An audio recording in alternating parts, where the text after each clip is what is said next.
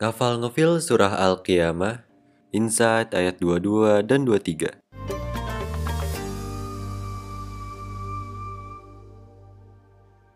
Manusia tuh sukanya sama dunia, yang lebih kelihatan dan cepet dapat balasan upahnya.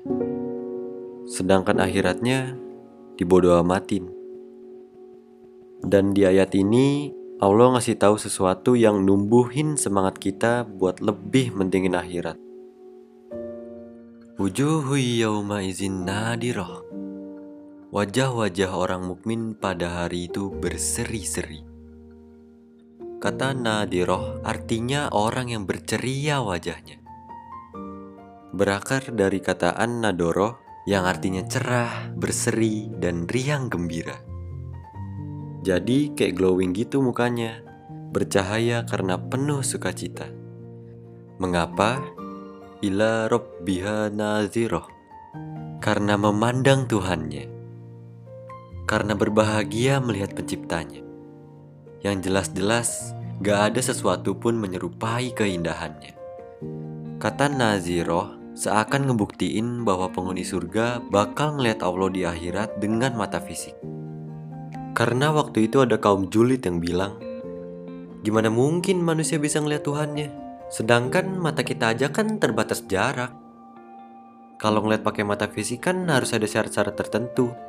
Misal, ada jarak antara yang ngeliat dan objek yang dilihat, Terus harus ada unsur warna, arah, tempat, bentuk, dan sinar cahaya yang dipantulin dari mata hingga bayangannya bisa sampai ke area mata di otak.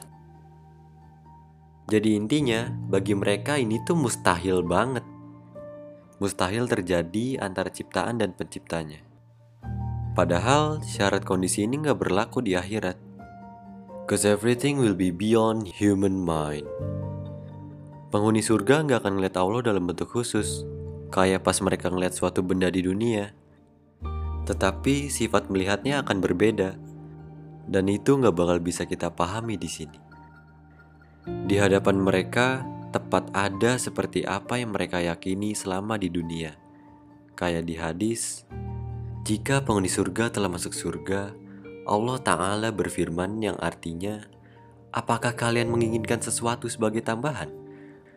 Maka mereka menjawab, Bukankah engkau telah memutihkan wajah-wajah kami? Bukankah engkau telah memasukkan kami ke dalam surga dan menyelamatkan kami dari azab neraka? Beliau bersabda, lalu Allah membukakan pembatas yang menutupi wajahnya yang maha mulia.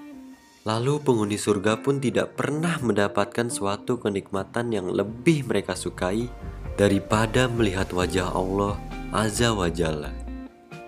Kemudian beliau Shallallahu Alaihi Wasallam membaca ayat Lillazina ahsanul husna wa ziyadah. Bagi orang-orang yang berbuat baik, ada pahala yang terbaik yaitu surga dan tambahannya.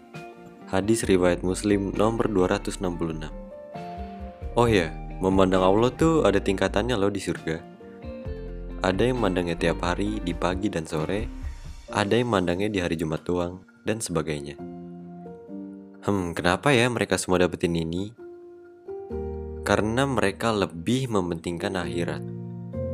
Karena di dalam diri mereka ada kenikmatan hati, kebahagiaan jiwa, serta kenikmatan rohani. Selama di dunia, mereka rela bersusah-susah merayu ridho Allah dengan taat. Mencintai apa yang Allah cintai, dan membenci apa yang Allah benci. Semoga Allah jadikan wajah-wajah kita wajah yang berpendar bahagia. Karena merindu bertemu Sang Pencipta jagat raya.